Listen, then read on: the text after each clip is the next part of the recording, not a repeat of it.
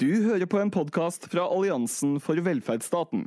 Eh, Velkommen hit, velkommen til Frøken Pil, og velkommen til dette eh, bokmøtet som er midt eh, under valgkampen. Jeg heter Eirik Farad Sakariassen og er sin ordførerkandidat i Stavanger. Og vi hadde lyst å løfte debatten litt i valgkampen, ikke bare om bompenger, men om at det er andre samfunnsproblemer, som den store veksten i privatskoler som har vært de siste årene. Så det vi skal gjøre nå, er at vi skal få presentert ei eh, bok som heter 'Privatskoleparadokset', som Eirik Wies Mossefinn, som står der, har eh, skrevet sammen med, sammen med. Sammen med Annika Sander. Eh, hun er ikke her, men Eirik er her og skal presentere boka litt. Og så skal vi ha en liten bokprat eh, etterpå. Så ta vel imot Eirik.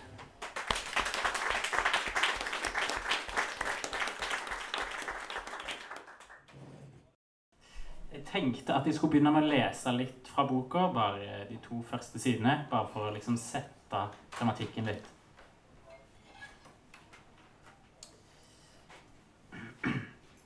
Fra første kapittel, som heter 'Hvor er penga?' På forsiden av Dagens Næringsliv den siste oktoberdagen i 2015 er to middelaldrende menn avbilda.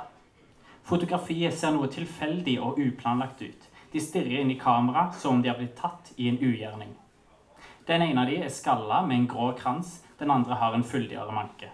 Mennene er brødre og kommer fra en av Norges få adelige slekter. En slekt som har hatt så å si hele Nordmarka i sitt eie siden 1700-tallet. Men disse to har valgt bort skog og trevirke for et annet marked. Privatskoler og eiendom. De er mangemillionærer, finansspekulanter og to av Høyres rike onkler. Og de er denne oktoberdagen i ferd med å bli hovedpersonene i en sak som vil føre til høringer i Stortinget, søksmål fra studenter og krav om tilbakebetaling av millionsummer. Over bildet av disse to brødrene står følgende overskrift. Tømte skolekassen for 100 millioner. Saken i Dagens Næringsliv markerer startskuddet for avdekkingen av Norges største privatskoleskandale. Skolen som brødrene har henta ut millionene fra, er den private høyskolen Westerdals Oslo Act. Skolen som vi, bokens forfattere, går på. Denne høstlørdagen i 2015 er vi inne i vårt siste år som studenter ved skolens tekst- og skribentlinje. Vi blir satt ut av avsløringene som kommer fram i artikkelen.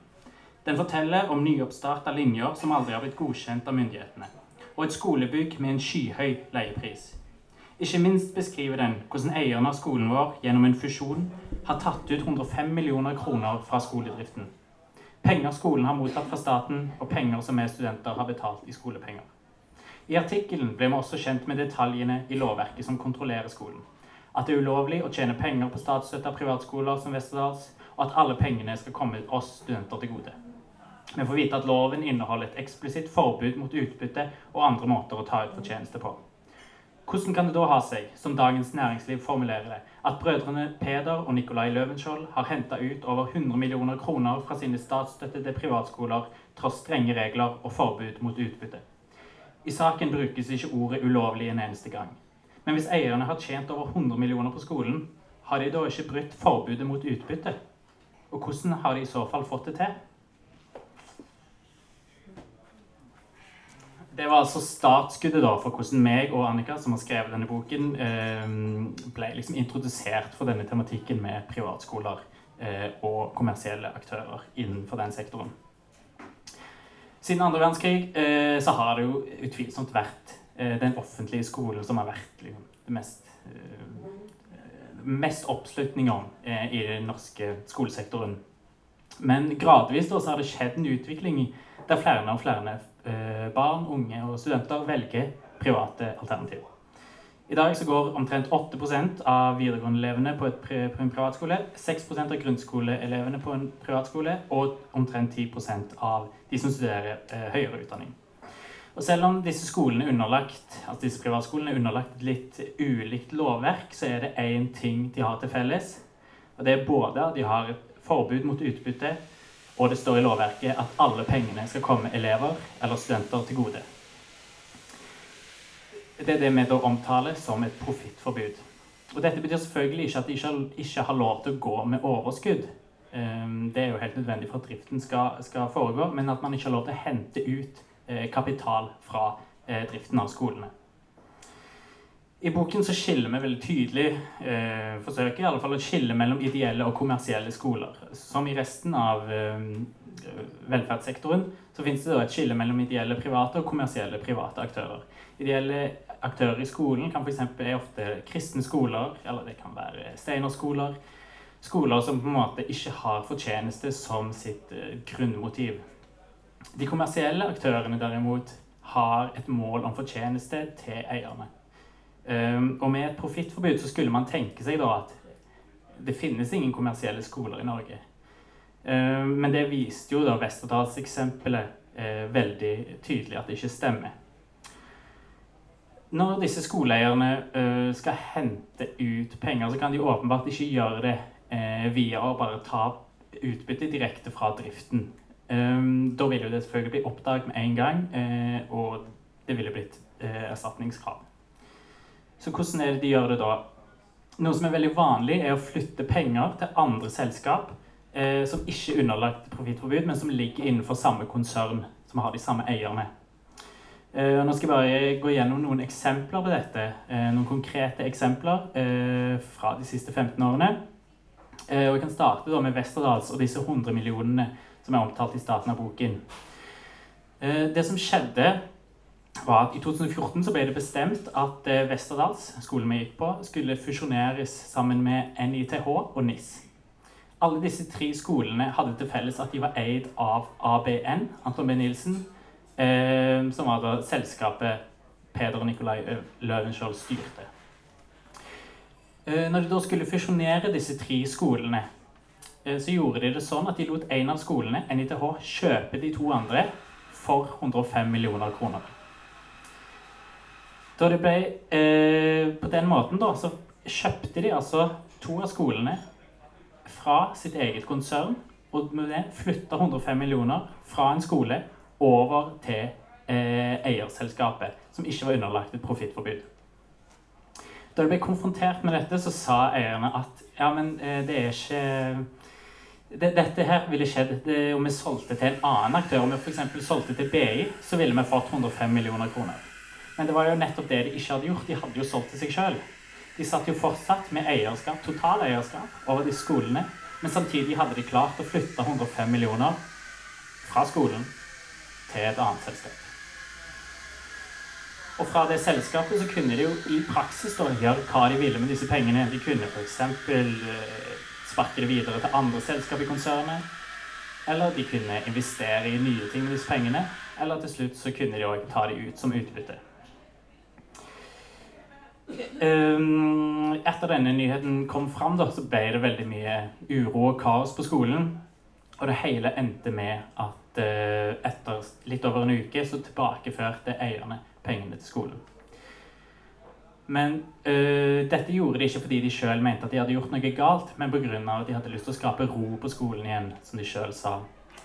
At de ikke hadde noe, gjort noe galt, det var Kunnskapsdepartementet sterkt uenig i, og konkluderte med at de hadde brutt både forbudet mot utbytte og brutt bestemmelsen om at alle pengene skal komme studentene til gode. Men siden de hadde ført pengene tilbake, så ble ikke dette her eh, tatt noe videre. Det ble ikke noen erstatningskrav, ble en rettssak. Ingenting. Eh, denne praksisen med å klare å flytte penger fra skoleselskapene til andre selskap i samme konsern, eh, det er noe man ser ganske utbredt i eh, skole, privatskolesektoren. Særlig på videregående nivå eh, så har dette med altså intern fakturering over markedspris, som betyr at man kjøper varer av et annet selskap i samme konsern til en for høy pris, man f.eks. Eh, driver en skole sammen med et annet selskap som driver med utleie av eiendom. Så leier man eh, skolebygget av sitt eget selskap. Men så setter man prisen for høyt, sånn at man flytter penger fra skolen over i eiendomsselskapet. Eiendomsselskapet er selvfølgelig ikke underlagt noe profittforbud, så der kan pengene igjen eh, flyte. Etter 2003, I 2003 så kom det en ny lov i Norge som heter friskoleloven. Den eh, kom eh, som på initiativ fra den borgerlige regjeringen, og med støtte fra Frp så fikk han flertall på Stortinget. Eh, etter denne her friskoleloven så åpna det seg en flom av privatskolesøknader, som Aftenposten skrev. Og det åpna særlig fire store, eller større konsern av privatskoler i Norge. Det var Akademiet, Jon Bauer, Sonans og Noroff. Jon Bauer de ble liksom den første privatskoleskandalen i Norge da, etter eh, den nye friskoleloven. Uh, de hadde uh, kom det fram, da, drevet med ekstremt mye internfakturering. Uh, kunne NRK avsløre i 2007, og året etterpå så gjennomførte man et tilsyn med skolen, og man fant ut at de hadde betalt 7,3 millioner kroner for mye for bl.a. Eh, innleie av eiendom, eh, bemanning eh, de hadde, altså Skolene hadde leid inn sine egne eiere til en pris som var langt over markedspris. Når dette tilbakebetalingskravet kom da på 7,3 millioner, så ble skolene slått konkurs. Den ene skolen, den i Oslo, ble da helt lagt ned. Og eierne, nei, altså alle elevene sto plutselig uten skoleplass. Mens skolen i Bergen den ble tatt av, eh, over av eh, lærerne, før det til slutt ble oppkjøpt av Akademiet. Og Akademiet de kjenner vi jo litt til her i Stavanger eh, pga. skolen i Sandnes. Der har det jo vært noen skandaler. Akademiet var også en av de skolene som ble godkjent etter den nye friskoleloven i 2003. Og eh, i 2012 så hadde det ennå ikke blitt gjennomført et eneste tilsyn med om Akademiet gjennomførte eller overholdt profittforbudet på um, skikkelig vis. Um, da kom det fram i VG at de hadde gjort akkurat det samme som Jon Bauer. Kjøpt ekstremt mye av selskaper i samme konsern. Og det, um, det viste seg etter uh, da Utdanningsdirektoratet begynte å føre tilsyn med skolen, viste seg at de òg hadde betalt altfor mye penger. Til slutt så ble det et tilbakebetalingskrav på 18 millioner kroner til Akademiets skoler. Dette ble da senere nedjustert til, til 12,7 millioner. Ehm, Men en av skolene, Metis i Bergen, de justerte aldri ned leien som de hadde betalt for mye. Så i 2018 så fikk de et nytt tilbakebetalingskrav på 21,5 millioner kroner. Ehm, Og eh, to av skolene i Akademikonsernet de gikk til sak mot staten fordi de mente at, eh, at eh, Utdanningsdirektoratet hadde satt feil markedspris. De hadde beregna feil, de hadde ikke gjort noe galt. Og de vant faktisk fram. Og i den rettskjennelsen da, så står det at eh, staten bør sette nærmere bestemmelser for hva som er markedspris. Og det noe av det som har vist seg da med eh, i eh, privatskolesektoren, at det er ekstremt vanskelig for de som skal passe på at skolene følger, ikke bryter, ikke bryter profittforbudet. Det er vanskelig for de å sjekke hva som er markedspris på en vare. Altså, En ting er jo greit, eh, for eksempel eh, altså, Man kan si hvor mye en, en lyspære koster. Men det er veldig vanskelig for noen å regne ut f.eks. hva er riktig pris på leasing av Macbooks, som f.eks. disse skolene har blitt, også blitt tatt for å betale altfor mye penger for. Altså Den offentlige skolen driver jo ikke og leaser Macbooks av andre selskaper. Det har bl.a. Akademiet gjort og fått tilbakebetalingskrav på 9 millioner kroner. Eh, Disse tilsynene da, som da skal avsløre de som faktisk bryter profittforbudet, de har veldig tydelige begrensninger på ressursene. Eh, selvfølgelig, man kan ikke overvåke i detalj alle privatskolene i Norge. Så man sjekker, man tar, et utvalg, det er stikkprøvebasert, eh, og det er basert på de skolene man anser har høy risiko for brudd. Eh, det betyr at det potensielt da finnes veldig store mørketall i privatskolesektoren. Eh, og det er bl.a. noe som Riksrevisjonen har advart mot. At, eh, og sagt at det er bekymringsverdig at Utdanningsdirektoratet har så få muligheter til å sjekke om skolene virkelig eh, følger loven. Eh, og blant de de mener har høy risiko for lovbrudd. Et annet viktig poeng i den forbindelse er at revisorene som skal sjekke at skolene faktisk liksom leverer riktig regnskap og ikke bryter loven, de kjenner heller ikke til det spesielle lovverket som privatskolene er underlagt. Mange av de kjenner ikke til profittforbudet. Mange av de kjenner ikke til at alle pengene skal komme eleven til gode. Og det er selvfølgelig et stort problem. I tillegg så går det jo ekstremt mye penger da, i å sjekke at disse skolene ikke bryter loven. Um, og da kunne man jo tenke seg at da er det kanskje like så greit å bare åpne opp for profitt. Så slipper man å liksom jage på de som eh, klarer å bryte eh, profittforbudet på liksom sånn finansakrobatisk vis. Eh, for å undersøke dette eh, så så vi på hvordan situasjonen er i Sverige. For Sverige har altså eh, verdens mest eh, kommersialiserte statsstøtta privatskolesystem. Siden 90-tallet så har det liksom bare blitt mer og mer eh, kommersialisert. Og i dag så går altså 15% av eh, grunnskoleelevene på en privatskole og 28% av alle på videregående på en privatskole i Sverige. Og Det skjer òg en veldig lik sånn konsolidering. altså at Skolene samles på færre og færre hender. Det blir Eh, færre og færre eiere av større og større konsern. Det er da i dag vi har fem store konsern i Sverige som kontrollerer ganske store deler av markedet, eh, og som i 2017 da omsatte for 13 milliarder kroner.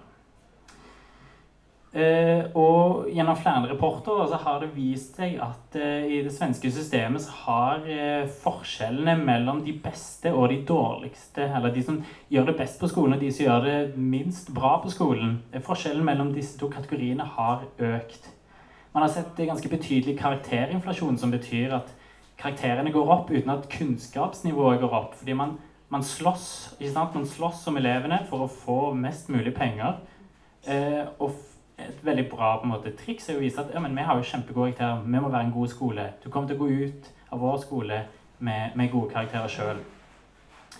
Eh, det har oppstått en segregering eh, i det svenske skolesystemet. Ganske mer betydelig enn i Norge, eh, der måte, like, like, barn leker best. Altså at de som er like hverandre i sosioøkonomisk bakgrunn, velger de samme skolene. Um, og i tillegg så har òg de svenske resultatene på internasjonale tester gått ned i samme periode. Uh, og parallelt med dette uh, så har det vist seg òg at de kommersielle privatskolekonsernene har betydelig lavere bemanning enn de andre skolene. Vil altså si at de har færre lærere per elev. Uh, så har det òg vist seg noen sånn veldig noen av markedets virkelig stygge sider. da, Blant annet i 2013 så ble da den svenske utgaven av, gikk den svenske utgaven av Jon Bauer konkurs. Eh, det var på den tiden da eh, en av Skandinavias største privatskolekonsern. De gikk konkurs pga. de fikk ikke nok nye elever. Og da sto plutselig 11 000 elever uten skoleplass, og 1000 lærere mista jobben. Eh, og samtidig med dette da, så sa han som var sjef for eh, Jon Bauer, at ja, men dette her det viser bare at systemet fungerer. De dårlige skolene, de som ingen vil ha, de må bare de må dø ut, og så kommer det nye opp. Eh, uten å liksom vise noe særlig omtanke da, for de 11 000 elevene som sto uten skoleplass, eller de 1000 lærerne som sto uten jobb. Eh, I tillegg så har man også sett at eh, lærere i kommersielle konsern har blitt sagt opp pga. at de har uttalt seg kritisk mot profitt i velferd. Med dette her i mente da, så mener iallfall vi meg og at det er en veldig feil vei å gå eh, å tillate for flere kommersielle aktører i eh, skolesektoren. Og vi eh, mener jo at det viktigste er å få ut de kommersielle som finnes der nå i dag. Det gir jo ingen mening at det skal finnes kommersielle aktører når vi ikke tillater profitt i skolesektoren. Det er det som er det store paradokset i norsk privatskolepolitikk. Vi har allerede et profittforbud som viser seg å ikke fungere sånn som vi ønsker at det skal fungere. Eh, hvordan vi skal stenge det ute, det eh, tror jeg vi har noen gode svar på. Men jeg tenker at det kan meg og Erik snakke om når han kommer opp igjen. Så kan vi ta en liten pause så lenge.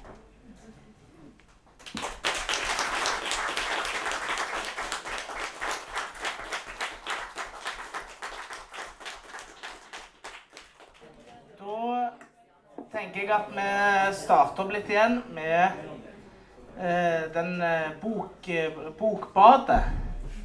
Ikke det det Har du blitt bokbader før? Ok, Ja, det er jo ganske fuktig og varmt her inne, sånn at eh, Ja. Jeg fikk lest boka ferdig i dag. Eh, det er jo mye annet som skjer for tida. Sånn at det var litt travelt, men jeg har fått lest den ferdig i dag. Og jeg vil si gratulerer med en veldig god eh, og viktig bok. Tusen takk. Og det Man kan jo tenke at en bok om eh, privatskoler og litt sånn si, litt tørre fakta kan bli kjedelig, men dere har greid å skrive den på en veldig inspirerende og fly, god flyt i boka. Sånn at dere har jo lært noe på Westerdals eh, som er verdt å ta med seg videre. I det minste. Ja. Men det er jo en bok man blir litt sånn opprørt og forbanna av å lese. Fordi at det er man, eh, Måten dere avdekker det på, så viser dere tydelig at dette er ikke tilfeldigheter og eh, glipp. Altså Det er en systematikk i dette og, og en forståelse for at en kan eh, tjene mye penger på dette. Og jeg tenkte å gå litt tilbake til du starta med å lese introen av boka når disse Løvenskiold-brødrene eh, blir avslørt. Kan ikke du fortelle litt om når dere oppdaga det? Når studentene oppdaga det, hva tenkte dere eh, Hvordan oppdager du det? Hvordan, jeg dere? Eh, nei, altså Jeg husker jo veldig godt. Jeg, eh, det var en lørdagsmorgen. Eh, det var altså DN-magasinet. Det var der det sto, den saken sto. eh, Våkna opp, hadde en sånn der gruppechat med masse venner fra klassen. Og så bare stod det noen som sendte en artikkel til noe DN, og så skrev bare sånn masse sinte emojis. Klikka meg inn, og så så jeg jo da at de hadde klart å tjene 100 millioner på skolen vår. Um, altså for første, første gang jeg leste den, så var det veldig vanskelig å forstå. Um, tror jeg òg noe av liksom Det som gjør dette her litt vanskelig, at det er mye sånn eh, bedriftssnakk, mye økonomi, mye selskapsstrukturer som er vanskelig å forstå.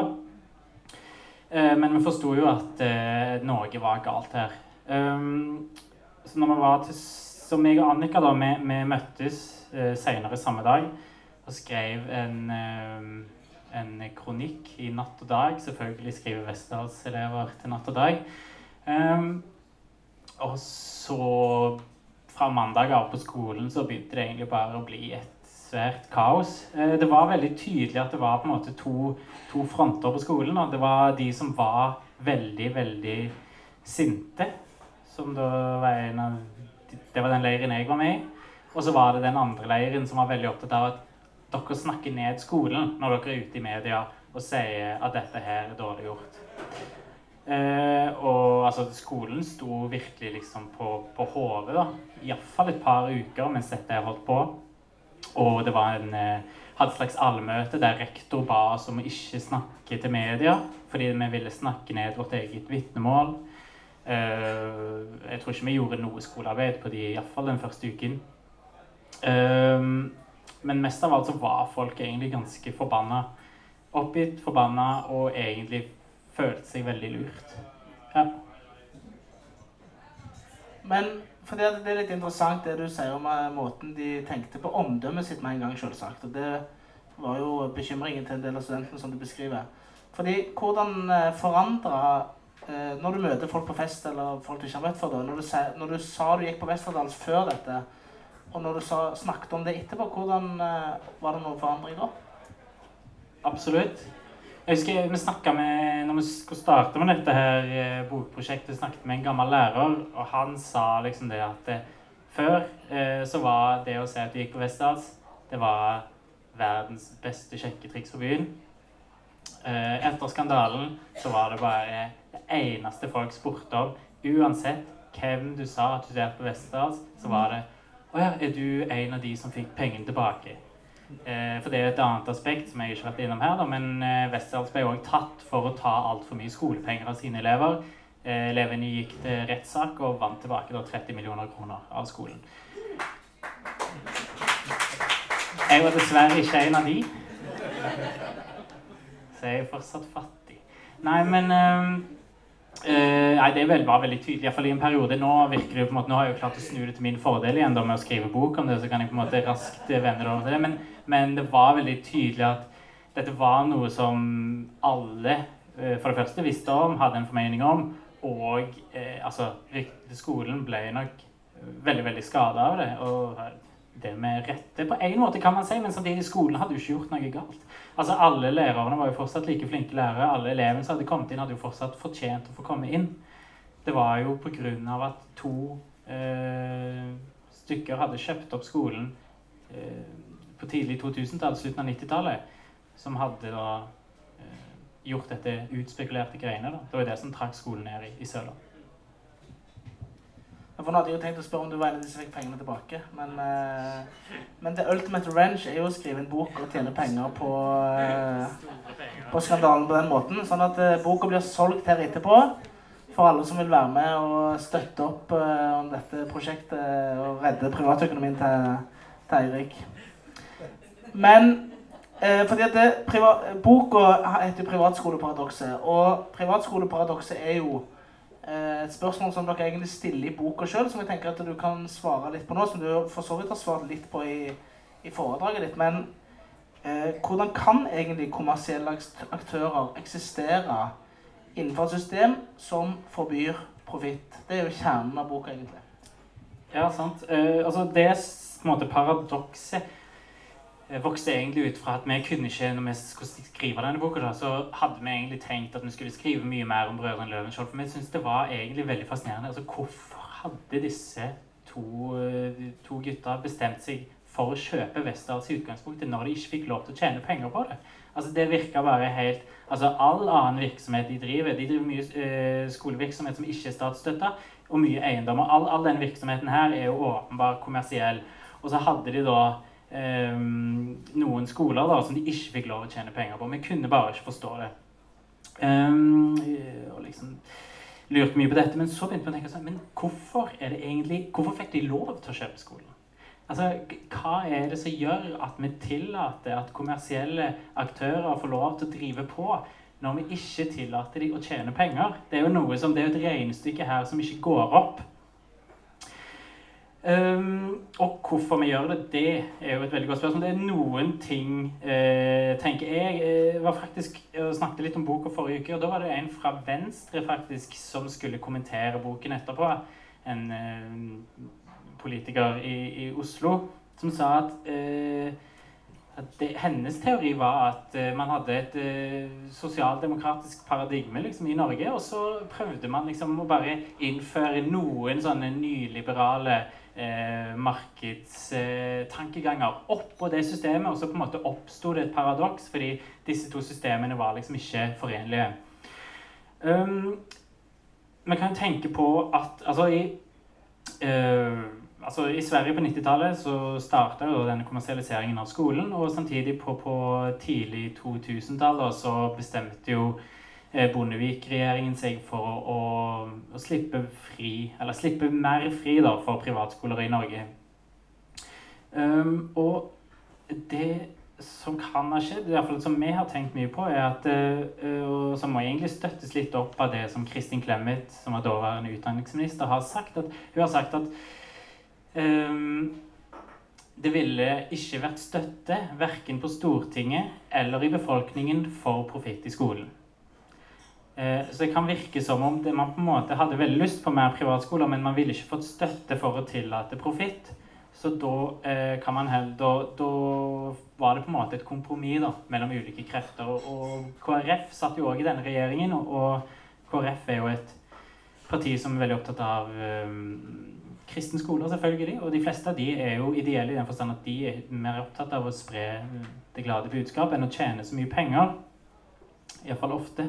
Sånn at, uh, at, det kan ha vært måte, et kompromiss innad i regjeringen som har måte, ført oss til et system som ikke gir helt, helt mening. Ja. Og så er det jo noen dilemmaer med, med f.eks. kristne og religiøse privatskoler òg. Så det er jo, eh, Mammon er jo et problem, men Gud kan jo òg noen ganger være problematisk i skolesammenheng. da. Ja, ja. Um, men for å bare ta et lite sidespor vekk fra skole fordi at eh, Det er jo forbudt å tjene penger på en seksåring som går på skole, men en femåring i barnehage kan man tjene penger på. Mm. Veldig lett. Mm. Men mekanismene er jo de samme i veldig stor grad, særlig mellom barnehage og skole. Vi, vi ser jo noe av det samme på eldreomsorg òg. Nå er det jo flere som også investerer i privat eldreomsorg, har vi sett eh, i dag, for de som har lest eh, avisene. Eh, men mekanismene er jo de samme. at Det er jo disse selskapsstrukturene og en del av de konsernene Altså er det liksom overflyt altså, mellom de som driver barnehage og de som driver skole, er det en del av de samme selskapene. Og gjerne eldreomsorg òg. Altså, det man kan si om det først, er jo at man ser iallfall noen av de samme mekanismene. Altså, i, i eh, private barnehager så har man, som du sier, man har lov å tjene penger, men allikevel så er det mange som driver med det samme som i skole, med, med internfakturering over markedspris. Eh, kanskje pga. at man tenker at det, det vil ikke ta seg godt ut, da, hvis man ser at man har tatt ut masse utbytte. Um, eh, når det gjelder eierskap, så har faktisk Det har ikke vært det før ganske nylig, men eh, i Jeg tror det var i november eller oktober. Da kjøpte altså Læringsverkstedet, som er en av Norges største kommersielle barnehagekonsern, opp tre eh, privatskoler på østlandsområdet. Um, og de har òg kjøpt opp privatskoler i Sverige. Sånn at eh, det kan se ut til at det er på en måte Iallfall Om det går i den retningen, er kanskje vanskelig å si, men, men man har i hvert fall sett at eh, nå er det òg interessant da, for eh, barnehagekonsern som vokser seg større og større, og å investere i skolesektoren. Og som du sier, så er det noen av de samme mekanismene. Altså i, i det som kanskje er noe av det mest interessante, er jo at i barnehagesektoren så eh, kontra skolesektoren I skolesektoren er det egentlig mye større eh, på en måte, eh, Det er mye mer av et ekte marked enn i barnehagesektoren. I skolesektoren så er det jo f.eks. på videregående nivå eller på høyskolenivå så er det på en måte mer eh, bevisste valg som tas når man skal velge skole. De trenger ikke være så opplyste, men en 16-åring som velger skole, eh, velger jo allerede, i veldig mange fylker i alle fall, på en måte mellom alle skolene. Mens i barnehagesektoren så er det mye på en måte mindre av et sånn marked, om man skal si det. Da blir man ofte med heller på en måte, Man tar den plassen man får. Eh, mindre bytting osv. Eh, så det er et liksom, Det henger ting igjen. Er et nytt paradoks der. Men eh, mm, man ser noen av de samme mekanismene. Og du var litt inne på det, iallfall med måten du snakket på, fordi at retorikken her er jo ganske viktig. Altså man, det som de fleste av oss på venstresiden kaller privatskoler, blir jo kalt for friskoler. Tenker du at det er med å påvirke opinionens aksept for, eh, for denne utviklingen? Ja, det er jo interessant da med dette med friskoler. Eh, I boka vår har vi konsekvent, i alle fall så konsekvent som vi klarer, valgt å kalle det for statsstøtta privatskoler. Det er mye lengre, men eh, vi mener for det første at det er mye mer treffende. Og for det andre så kjenner jeg at jeg har ikke lyst til å på en måte være med og spille på den sånn innenfor den, det retoriske dansegulvet som høyresiden har på, på noen av disse punktene. Jeg tenker at friskole sier egentlig ikke så mye om hvilken type skole det er. Altså, den er fri, fri fra hva da? Eh, jeg tenker det er litt samme fra, Det er den samme retorikken som man ofte hører. Altså, det er et fritt eh, brukervalg eller mangfold eller alle gode krefter til. Det er en slags sånn eh, Man prøver å hele veien spille opp da, med sånne positivt lada ord. Som ikke nødvendigvis sier så mye om hva det er som foregår, men heller sier noe om en slags følelse de vil at vi skal sitte igjen med. Eh, og da tenker jeg at Friskoler er et sånn klassisk eksempel på det. Og det ser man jo òg. Altså, når uh, den friskoleloven kom i 2003 Etter det så ble det jo et uh, rød-grønn regjering i 2005. Og noe av det første de gjorde da uh, med den loven, var å bytte navn tilbake til privatskoleloven. Så i 2013, ny regjering, blå regjering, da bytter vi tilbake til friskoleloven.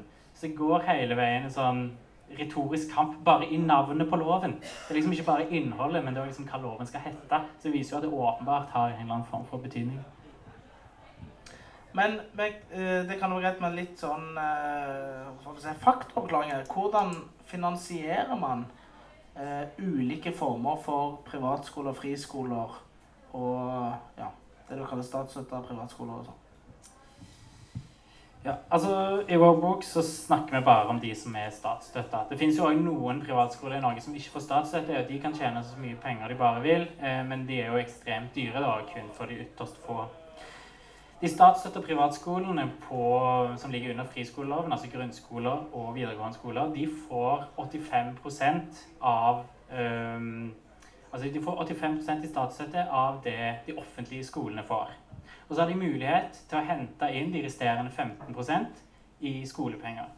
Sånn at den totale summen eh, vil aldri overstige eh, hva en offentlig skole får. Eh, og apropos det, så hører man jo husker Jeg iallfall hørte det liksom mye da jeg var yngre, at ja, men på privatskoler da betaler man litt ekstra penger, men det betyr òg at skolen på en måte har mer penger. Det er jo helt feil. De har akkurat like mye penger som den offentlige skolen. Um, på høyskolenivå så fungerer det litt annerledes. Der beregnes det ut ifra en del andre parametere hvor mange studenter som går der, uh, ut ifra hvor mye forskning de driver med, uh, ja, osv. Uh, der finnes det heller ikke, I høyskolesektoren det heller ikke noe tak for hvor mye, eleven, hvor mye skolen kan kreve av studentene.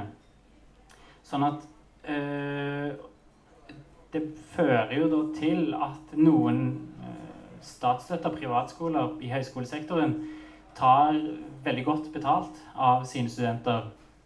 Et eksempel da er de som kjøpte opp Westerdals, for Westerdals ble solgt eh, etter alle disse skandalene for 85 millioner kroner til Høgskolen Kristiania.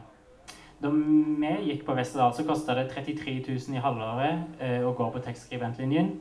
Etter Høgskolen Kristiania tok over, så koster det nå 50 000 kroner i halvåret. Og det er jo ganske problematisk fordi det utestenger en ganske god del av befolkningen. Av disse 50 000 så kan man få omtrent 30 000 altså ikke få, Man kan få et lån fra Lånekassen på 30 000 av disse skolepengene. Det betyr at man må altså hvert halvår finansiere 20 000 kroner fra egen lomme for å gå på disse skolene. Som vi, med offentlige midler, finansierer for at det skal være et tilbud til befolkningen.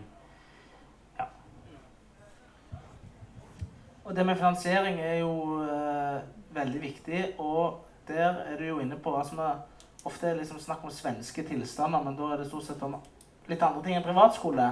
Men jeg er jo veldig bekymra for de svenske tilstandene som har vært innenfor privatskole, både i vekst og i eh, politikkutformingen. fordi at langt inn i, eller egentlig helt inn i det sosialdemokratiske partiet i, i, i Sverige, så har, har man fullstendig akseptert dette. Ikke bare noe akseptert, men de har jo òg tilpassa finansieringen veldig. Kan du ikke si litt om hvordan dette ble skjedd i Sverige? da? Ja. Altså, Da det første frislippet kom nå i Sverige, så fikk de privatskolene, som man får i Norge, 85% av statsstøtten som det offentlige får. Um, det betyr jo egentlig i prinsipp, da, i og med at man betaler de resterende 15 sjøl, at uh, man faktisk, som jeg var inne på, da, man utestenger ganske store deler av befolkningen. Så det det sosialdemokratiske partiet gjorde, var å øke denne satsen til 100% sånn at alle da skulle få lik rettighet til å gå på en privatskole. Eh, og det er på en måte innenfor på en måte denne tankegangen så høres jo det på en måte riktig ut. Alle burde jo ha de like mulighetene. Det burde ikke bare være de rike som får lov til å velge privatskole. Men eh, det som er det måte, store problemet med det, er at da er man full, fullfinansiert fra det offentlige. Det gjør det jo selvfølgelig mye, mye mer eh, attraktivt for eh, spekulanter å investere i privatskoler. Fordi penger fra det offentlige de, altså det offentlige er sikre betalere. De tikker inn på konto. Det er ikke sånn at man liksom må gå til Kredinor for å få pengene fra, fra staten.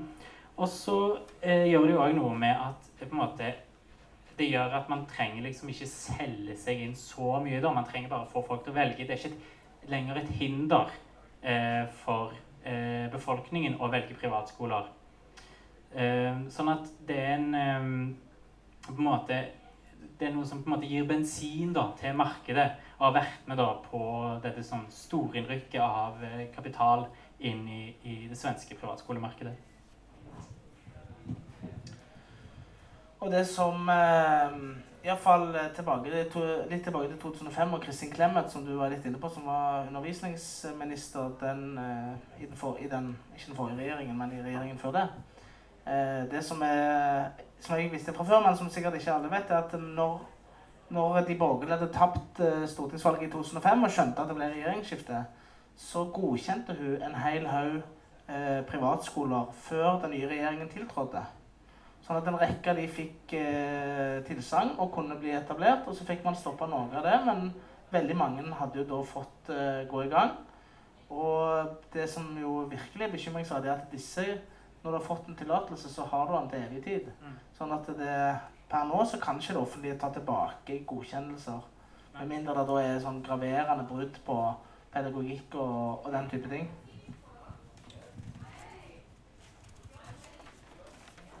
Um, jeg tenkte vi skulle bare gå litt tilbake til Westerdals. For det er jo utgangspunktet for boka og utgangspunktet for at vi sitter her egentlig i det hele tatt. Og det er at det er, det er mye interessant med den saken som du beskriver. Men du beskriver eh, noe om korrekturlakk. Eh, kan du få forklare hva korrekturlakk Dette gamle fenomenet korrekturlakk. Og Westerdals, etter moderne eh, Kunnskapsbanken. Hva disse to tingene har med hverandre å gjøre? Ja, altså um, Westerdals uh, Det var jo noe som kom fram da, i denne første DN-saken, og som ble videre etterforska av Kunnskapsdepartementet. At Westerdals hadde da drevet tre linjer som ikke hadde fått uh, godkjent uh, stempel av Kunnskapsdepartementet. Altså, de hadde egentlig ikke lov De hadde lov å drive disse skolene. Men de hadde ikke lov til å få statsstøtte for disse skolene. Og de hadde heller ikke lov Altså elevene, studentene på disse linjene, de kunne heller ikke motta støtte fra Lånekassen. Men allikevel så hadde Westerdals reklamert med at disse linjene her En av de som heter film og TV. Eh, disse linjene her de kan eh, dere søke om støtte fra Lånekassen til. Det som skjedde, da, var at en del studenter som skulle søke penger fra Lånekassen, eh, de ble først bedt om å gjøre det på papir. Og dette har hun som er sjef for Lånekassen, som heter Marianne Andreassen, hun har sagt dette at på den tiden så var det, det var ikke noe man gjorde lenger. Man holdt ikke på med papir lenger. Det meste, altså Alt foregikk eh, på data. Men Westerdals hadde da valgt å gjøre det på papir. Og etter dette kom fram, da, så hadde Lånekassen gått gjennom gamle søknader og sett at folk på eh, film- og TV-linjen de hadde altså skrevet først film og TV, og så hadde de funnet ut at altså Kunnskapsdepartementet, nei, Lånekassen fant ut at noen hadde tatt korrekturlakk over film og TV og skrevet inn tekst og skribent, som da var en av disse linjene som hadde fått godkjent. På den måten da så fikk eh, disse studentene som gikk på linjer som de trodde var godkjent, men som viste seg å ikke være det, de fikk penger fra Lånekassen, eh, som egentlig ikke var berettiget da. Men det som er på en måte eh, det som er ille med det, da, var jo det som virkelig ille, er jo at skolen fikk statsstøtte for linjer som staten aldri hadde godkjent. Um, og dette her ble etterforska av Økokrim, uh, som etter hvert henla saken pga. bevisets stilling. Uh, og pga. et forlik uh, som Westerdals inngikk med Kunnskapsdepartementet om å betale tilbake 42 millioner kroner for uberettiget statsstøtte. Hva skjedde med studentene som hadde fått uh, lån de ikke hadde sånn sett krav på, da, eller rett til? Altså, de fikk ingenting tilbake. Det er vel det man kan si. At det, det ble ingen, ingen videre oppfølging av de, da. Men jeg skal gå til det som er liksom det ideologiske kjernen her. Vi begynner å nærme oss en avslutning. men Um, jeg tenker jeg skal liksom stille et spørsmål som noen på høyresida veldig ofte stiller da, ville stilt. Så hvis dere bare ser for dere at jeg er medlem i Høyre og har blå skjorte og sleik og sosialliberale briller uh, Ja, jeg vet det. Jeg er medlem i SV, da. bare så jeg sagt det. Men, ehm, men hvorfor er det et problem å tjene penger på undervisningen hvis studentene er fornøyde med produktet som de får? Uh, ja, OK. For det første tenker jeg jo at uh, Altså, Det som faktisk er ganske overraskende, er jo at det er et ganske stort flertall av partiene på Stortinget i dag. Det er vel egentlig bare Frp som per nå i alle fall ikke eh, det er vel Alle andre enn Frp er vel egentlig for eh, profittforbudet. Så kunne man tenke seg ja, men da er det vel bare og, Da kunne man jo bare tillatt profitter om det ikke er et så stort problem at noen tjener penger på det.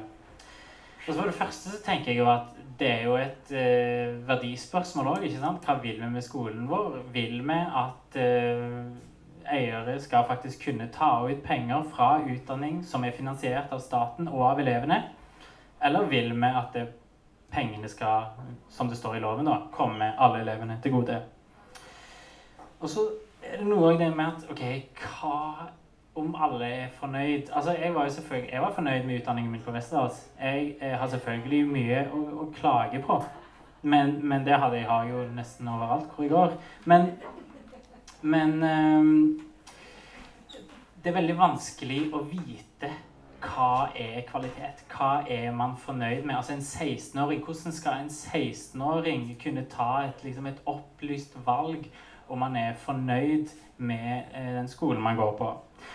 Og så ser man jo da f.eks. sånn som jeg har vist med Sverige, at resultatene av eh, de kommersielles inntog er ganske dramatiske. Um, F.eks. da med at man har mye lavere bemanning enn hva eh, de andre skolene har. Det betyr jo da selvfølgelig at det er færre lærere per elev. Eh, en utvikling man selvfølgelig ikke ønsker. Fordi at det er jo sånn at skolen, som altså alle andre velferdssektorer, er det som kalles arbeidsintensiv. Det betyr at liksom mesteparten av utgiftene går til lønninger.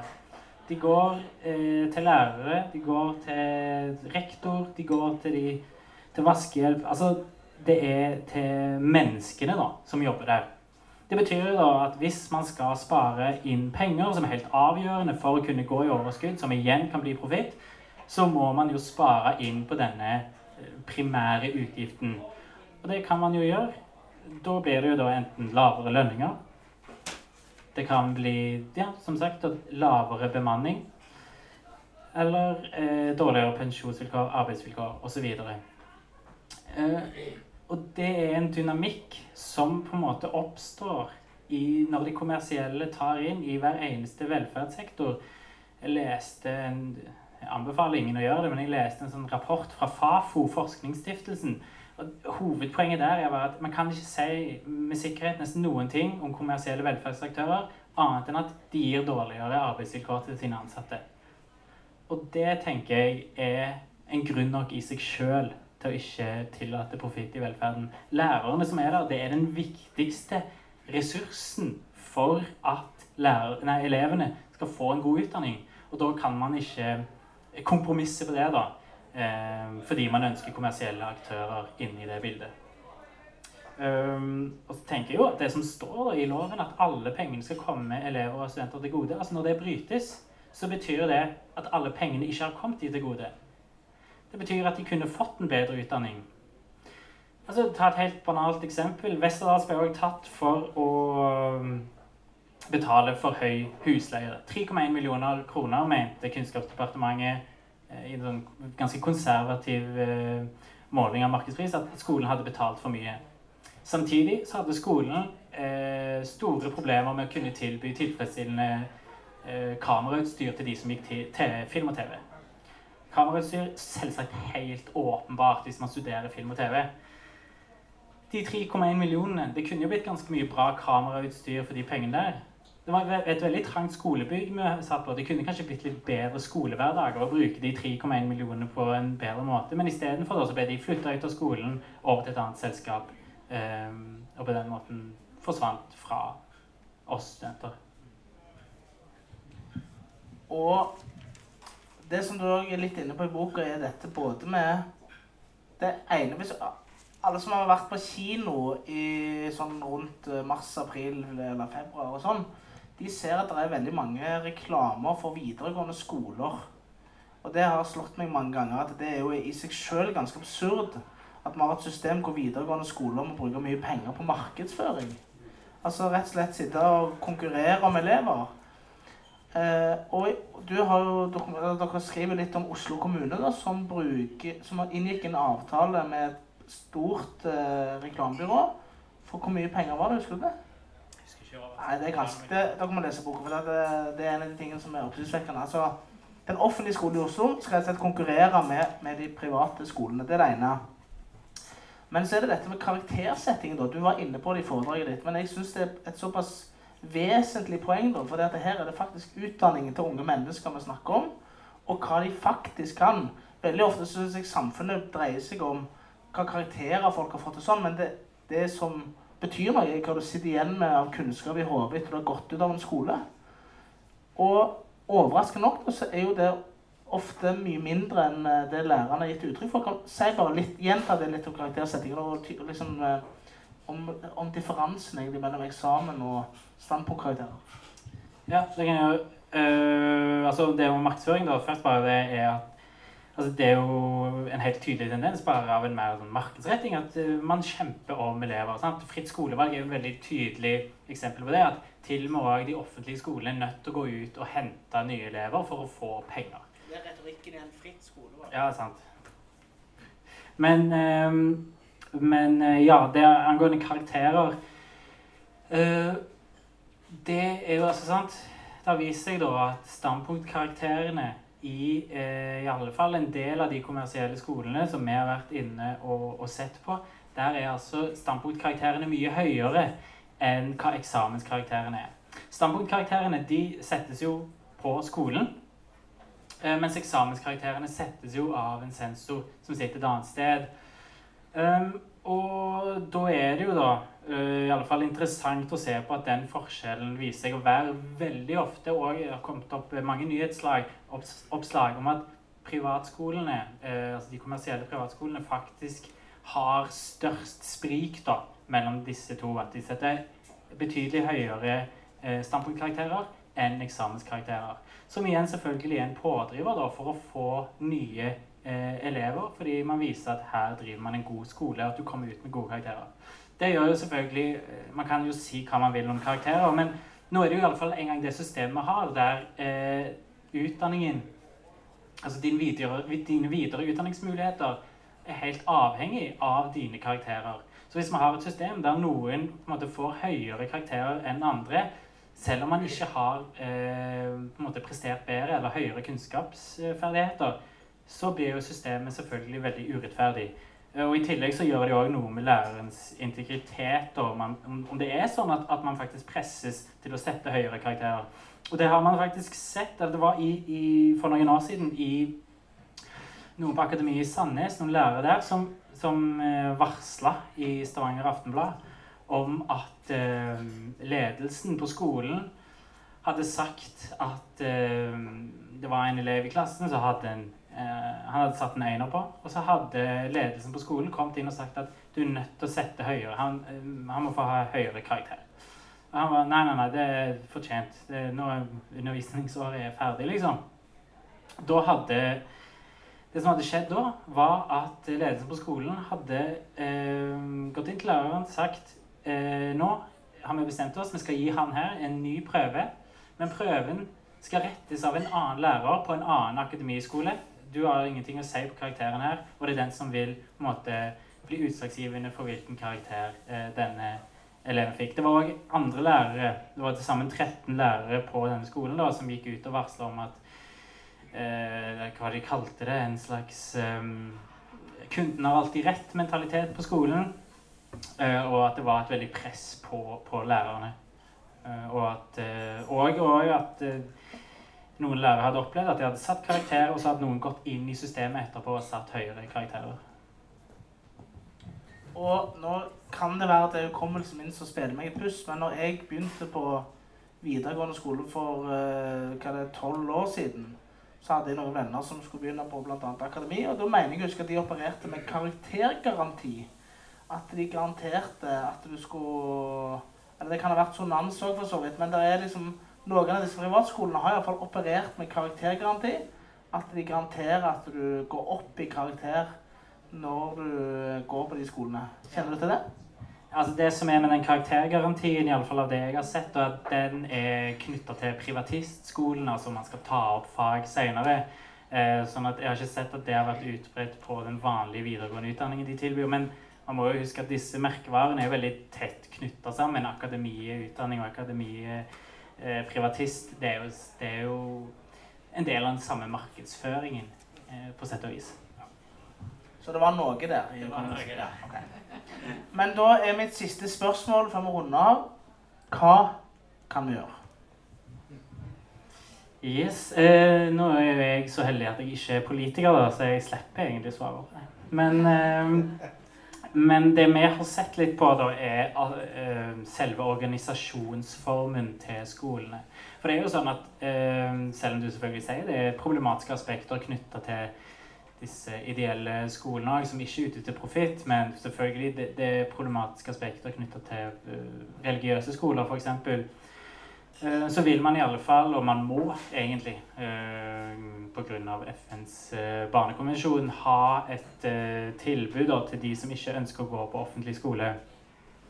Så noen privatskoler bør, tenker jeg i alle fall, og må finnes. Så hvordan kan vi da stenge ute de kommersielle? Det vi har sett på, er som sagt organisasjonsformen. I dag er det sånn at hvis jeg bestemmer meg for å starte en privatskole, så kan jeg gjøre det som et aksjeselskap. Et aksjeselskap øh, der jeg f.eks. eier alle aksjene. Uh, det kan òg være et aksjeselskap som inngår i et større konsern. Sant? Sånn som man har sett med Akademiet, som òg f.eks. eier eiendomsfirma. Uh, Hvis I Danmark så har de et litt annet system og det systemet går ut på at hvis du skal drive en statsstøtta privatskole, så må du være det de kaller en selveiende stiftelse. Altså En stiftelse den har i prinsipp ingen eier over seg sjøl. Det er en, en, eh, en, konstruksjon da, som eier seg sjøl. Um, og det fins ingen private eiere over den. Eh, de har òg noen veldig sånn, tydelige reguleringer i, denne, i disse stiftelsene, eh, der man bl.a. sier at de som sitter i styret i stiftelsen, kan ikke òg samtidig jobbe eller eie i noen som driver noen form for handel med skolen. Man kunne tenke seg at jeg sitter i styret i en stiftelse, samtidig så driver jeg med utleie av vaskehjelp, f.eks. Og så pusher jeg da på for at vi skal bruke mitt firma, at vi skal betale for mye. Men det er da eh, i alle fall i teorien ikke mulig i Danmark. Eh, disse stiftelsene kan heller ikke inngå i noen konsern. De må være på en måte egne enheter. Men jeg tenker at det er en veldig god eh, retning å kikke mot, i alle fall. Eh, som nok vil på en måte eh, i alle fall skremme vekk mange av de som faktisk har kommersielle interesser Eh, og akkurat hvordan det skal utformes i Norge, det er jo ikke godt å si. Men, men det er i alle fall ingen grunn, som vi ser det, til å tillate at aksjeselskap i store konsern finnes i en sektor der profitt ikke skal være lov. Så det tror vi i alle fall er det aller viktigste for å kunne ha noen privatskoler, men samtidig stenge ute de kommersielle. Eh, et annet ting som vi òg tror er viktig, er at Altså I dag så funker det sånn at de som godkjenner privatskolene, det er uh, Utdanningsdirektoratet. Uh, kommuner uh, på, på, grunnskolenivå og fylkeskommuner på, på, videregående nivå de har en motsigelsesrett, men den er veldig svak. Ehm, de kan si at de ikke ønsker denne privatskolen her, men det må være fordi det vil gå eh, utover eh, det offentlige skoletilbudet i deres fylke eller deres kommune. Men jeg tror i hvert fall en god idé kunne vært å for si nei, vi ønsker ikke disse aktørene i vår kommune fordi vi har sett at de har brutt mot profittforbudet ved flere tilfeller.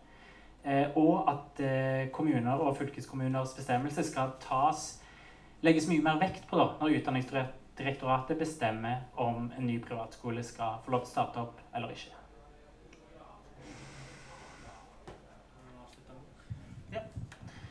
Um, før vi takker deg helt av, så vil jeg bare komme med noen politiske betraktninger. fordi at det, Dette er jo et uh, politisk parti. Og det, det, blir propaganda før dere får lov å gå hjem, rett og slett. Um, fordi det som uh, Det som har vært viktig for oss, det er at vi, vi har stemt imot alle lokale privatskoler uh, som har blitt foreslått. Dette kommer jo opp i formannskapet i Stavanger, og da må man komme med lokale uttalelser. Der er vi mobilisert imot, og det har faktisk flere ganger fått flertall. Problemet er bare at så lenge vi har den regjeringen vi har nå, så driter de i det. Da overstyrer de flertallet i formannskapet og sier at denne skal vedtas uansett. Så resultatet de siste, eh, de siste årene etter denne regjeringen er at vi har hatt eh, jeg må bare, eh, altså ca. 1200 privatskoleplasser eh, i Stavanger. Det, var det, det er status i dag.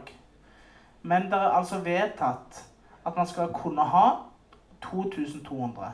Så i overkant av 900 nye privatskoleplasser har blitt vedtatt under denne regjeringen. I Stavanger, alene i Stavanger. Stort sett mot det lokale politiske flertallet. Og veldig ofte så har vi argumentert med at det utfordrer det, det, kommunale skoletilbudet. Sånn at det vil for en del skoler bety at du svekker grunnlaget, elevgrunnlaget rett og slett, og gjør at det blir vanskeligere eh, å drive de kommunale skolene. Så denne utviklingen fortsetter. Og det som du peker på som et helt vesentlig problem, er at kommuner og fylkeskommuner har per nå ingen mulighet til å si at det går utover det lokale tilbudet. Og Derfor har SV på Stortinget lagt fram et forslag som jeg tenkte jeg skulle lese opp. Det er ikke så veldig langt, men jeg synes det er viktig at en får det fram. Stortinget ber regjeringen legge fram et forslag til lovendring som gir anledning til å redusere antall godkjente private elevplasser i en kommune eller fylkeskommune dersom situasjonen er slik at kvaliteten på det samlede offentlige skoletilbudet er truet. Og alternativet er det samme vi har sett på, nei, på barnehagesektoren.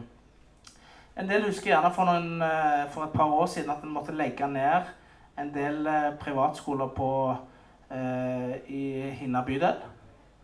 Nei, en del, unnskyld, en del kommunale barnehager i Hinna bydel. Fordi at eh, de var rett og slett eh, hadde for få eh, barn. Men samtidig som det skjedde, så oppretta man nye kommersielle barnehager. Og da har ikke kommunen anledning til å legge ned de heller. Man kan bare legge ned kommunale eh, barnehager og kommunale skoleplasser.